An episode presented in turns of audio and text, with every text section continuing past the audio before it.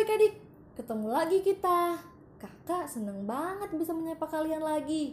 Bagaimana kabar kalian? Pasti sehat-sehat kan? Puji Tuhan. Nah, pada hari Jumat kemarin, kita semua memperingati kematian Tuhan Yesus 2000 tahun yang lalu. Tuhan Yesus rela mati untuk menebus hidup kakak, hidup adik-adik, dan untuk kita semua. Pada saat ini, kita akan menaikkan pujian buat Tuhan. Kita nyanyi bareng-bareng ya, Yesus sahabatku.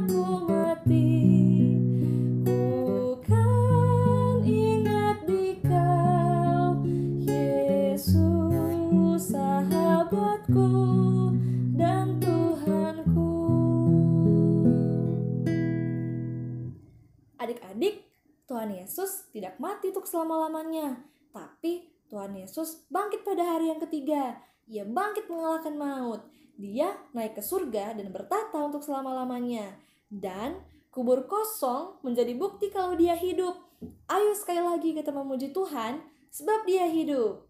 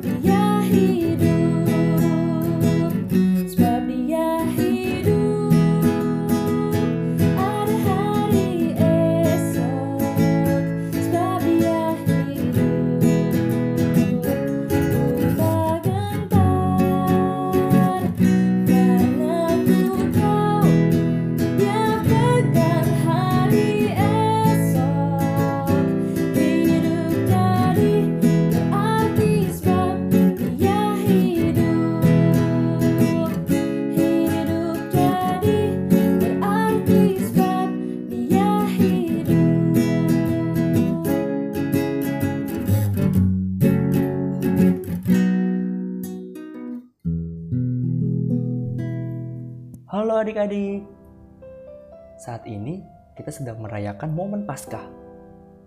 Paskah adalah hari di mana Tuhan Yesus bangkit dari antara orang mati. Dia mengalahkan maut, dia menang atas maut, dan dia hidup. Wow. Berarti ini adalah momen bahagia adik-adik. Momen yang penuh sukacita. Tapi tahukah adik-adik, sebelum Tuhan Yesus bangkit, Tuhan Yesus telah terlebih dahulu mengalami berbagai penderitaan. Dan penderitaannya itu bukan penderitaan yang main-main adik-adik. Tuhan Yesus sungguh-sungguh menderita. Tuhan Yesus dikhianati. Tuhan Yesus oh, ditinggalkan murid-muridnya. Bahkan ada murid yang menyangkal Tuhan Yesus. Tuhan Yesus harus diolok-olok oleh para serdadu-serdadu. Tuhan Yesus harus mengenakan mahkota duri. Tuhan Yesus harus memikul salibnya. Dan di atas bukit Golgota, Tuhan Yesus dipaku di atas kayu salib.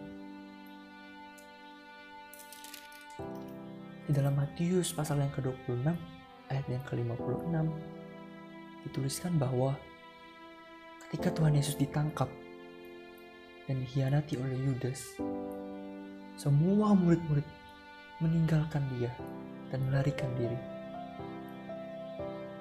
Dalam Matius yang ke-26 ayat yang ke-69 sampai dengan ayat yang ke-75, Petrus menyangkal Tuhan Yesus tiga kali sebelum ayam berkokok. Menyangkal Tuhan Yesus berarti Petrus mengaku bahwa dia tidak kenal Tuhan Yesus. Dia tidak pernah mengaku tidak pernah melihat Tuhan Yesus. Adik-adik, ketika Tuhan Yesus diolok-olokkan para serdadu, Tuhan Yesus diludahi, Tuhan Yesus dipukuli, Yesus harus mengenakan mahkota api yang menancap di kepalanya. Adik-adik, mahkota dari emas, bukan mahkota yang berkilauan. Harusnya mahkota seperti itu yang Tuhan Yesus pakai. Karena dia adalah Tuhan dan Raja segala Raja. Tuhan Yesus disalibkan di Bukit Golgota. Tuhan Yesus sungguh dipaku. Dan paku itu menembus darah, daging, tulang Tuhan Yesus. Yesus digantung sampai mati di atas kayu salib.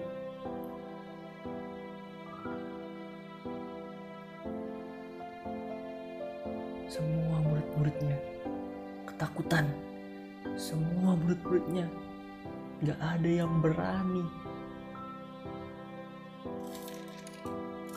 Adik-adik, gimana murid-muridnya ketika Tuhan Yesus disalibkan? Mereka ketakutan, mereka melarikan diri. Mungkin mereka menangis. Mereka tidak berdaya. Mereka harus melihat kematian guru mereka. Kematian guru yang mereka percaya adalah Mesias. Adik-adik, pada waktu itu suasana sang suasananya begitu sedih, begitu mencekam. Semua orang yang mengasihi Tuhan Yesus terluka, hancur hatinya adik-adik.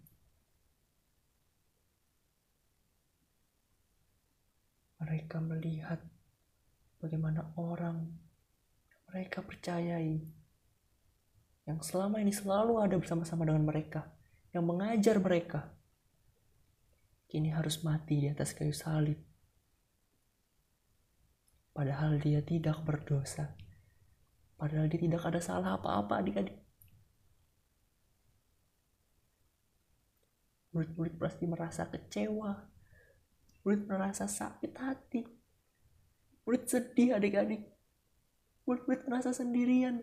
Mereka ketakutan. Mereka cemas. Sekarang gak ada lagi guru mereka. Sekarang pemimpin mereka udah gak ada lagi. Mereka takut adik-adik. Mereka udah gak punya harapan untuk hari depan. Mereka takut adik-adik. Tapi di pasal yang ke-28 setelah hari sabat lewat menjelang menyingsingnya fajar pada hari pertama minggu itu. Pergilah Maria Magdalena dan Maria yang lain menengok kubur itu. Lalu tiba-tiba gempa bumi terjadi. Dan ada seorang malaikat Tuhan turun dari langit dan datang ke batu itu. Jadi Tuhan Yesus dikuburkan di dalam kuburan seperti gua adik-adik. Dan ditutup dengan batu yang besar. Tapi malaikat ini menggulingkan batu itu. Lalu, malaikat itu berkata kepada perempuan-perempuan itu di ayat yang kelima, Janganlah kamu takut, sebab aku tahu kamu mencari Yesus yang disalibkan itu. Ia tidak ada di sini, sebab ia telah bangkit, sama seperti yang telah dikatakannya. Mari, lihatlah tempat ia berbaring, dan segeralah pergi dan katakanlah kepada murid-muridnya bahwa ia telah bangkit dari antara orang mati. Ia mendahului kamu ke Galilea, di sana kamu akan melihat dia. Sesungguhnya aku telah mengatakannya kepadamu. Lalu adik-adik, ketika perempuan-perempuan itu segera pergi dari kubur itu, mereka mereka takut adik-adik.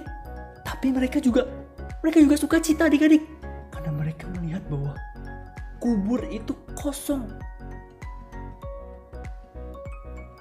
Lalu tiba-tiba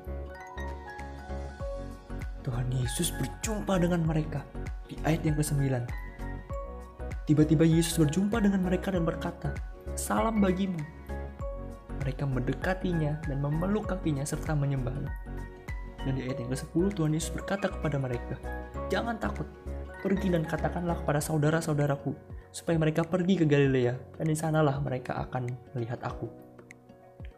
Adik-adik, murid-murid, dan perempuan-perempuan yang tadinya gentar, yang tadinya takut, yang tadinya nggak punya harapan. Ketika Tuhan Yesus bangkit,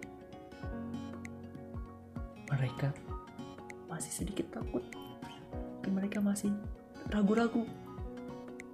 Tapi mereka melihat kuburnya kosong, batu sudah digulingkan, kubur kosong, dan Tuhan Yesus bertemu dengan perempuan-perempuan Maria Magdalena dan Maria yang lainnya.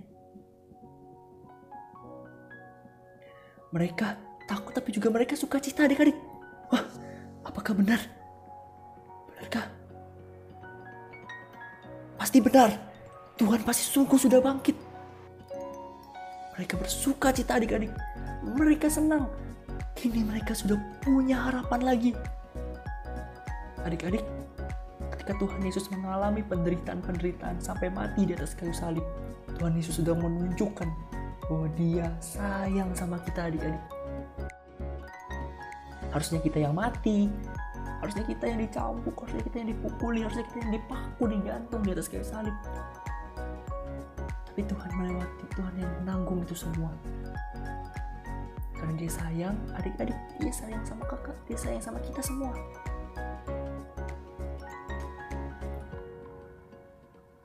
Ketika Tuhan Yesus bangkit dari antara orang mati pada hari yang ketiga, Tuhan Yesus memberikan satu pengharapan sejati bahwa Tuhan Yesus tidak akan pernah meninggalkan kita adik-adik. Tuhan Yesus adalah Allah yang berkuasa. Dia bukan sekedar guru, dia bukan sekedar manusia biasa. Dia adalah Allah. Dia menang atas maut. Maut itu tidak bisa mengalahkan kuasa Tuhan. Yesus jauh lebih berkuasa daripada maut. Oleh sebab itu dia bangkit dari antara orang mati. Dia sungguh-sungguh mengalami kematian karena cintanya kepada kita. Tapi dia juga sungguh-sungguh mengalami kebangkitan karena dia adalah Allah.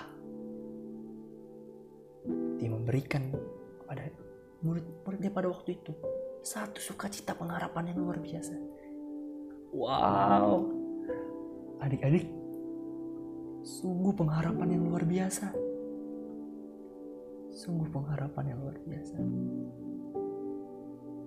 Sekarang, kakak mau ajak adik-adik kita baca di dalam Yohanes pasal yang ketiga, ayat yang ke-16. Injil Yohanes pasal yang ketiga, ayat yang ke-16. Karena begitu besar kasih Allah akan dunia ini, sehingga ia telah mengaruniakan anaknya yang tunggal, supaya setiap orang yang percaya kepadanya tidak binasa, melainkan beroleh hidup yang kekal. Tuhan Yesus, Allah itu sendiri, mengasihi kita dan rela mati di atas kayu salib. Dan dia bangkit, memberikan kita satu pengharapan bahwa dia akan selalu ada bersama-sama dengan kita dalam kondisi seperti apa pun.